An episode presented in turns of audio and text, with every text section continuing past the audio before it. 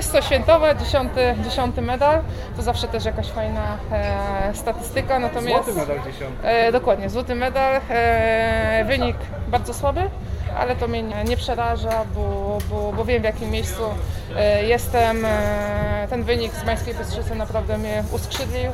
Tam były jeszcze bardzo duże rezerwy i, i to jest pocieszające, więc ostatnie trzy tygodnie przygotowań do Budapesztu i mam nadzieję, że wrócę na właściwe tory. Przez lata ty się przyzwyczaiłeś, że właściwie no, walczysz ze sobą i z wynikiem na krajowym podwórku. Tutaj e, dzisiaj na takim poziomie walczyłaś z kilkoma zawodniczkami. Jak się czułaś? No to zawsze coś nowego. Zawsze mówię, że, że jest ta rywalizacja teraz w szczególności e, jestem na takim etapie kariery, że e, jestem słabsza i, i gdzieś tam się zrównuję z tymi zawodniczkami. To jest dla nich okazja, żeby, że tak powiem, e, bić mistrza, I, i, ale łatwo skóry nie, nie daje i mówię, najważniejsze też, że jestem zdrowa.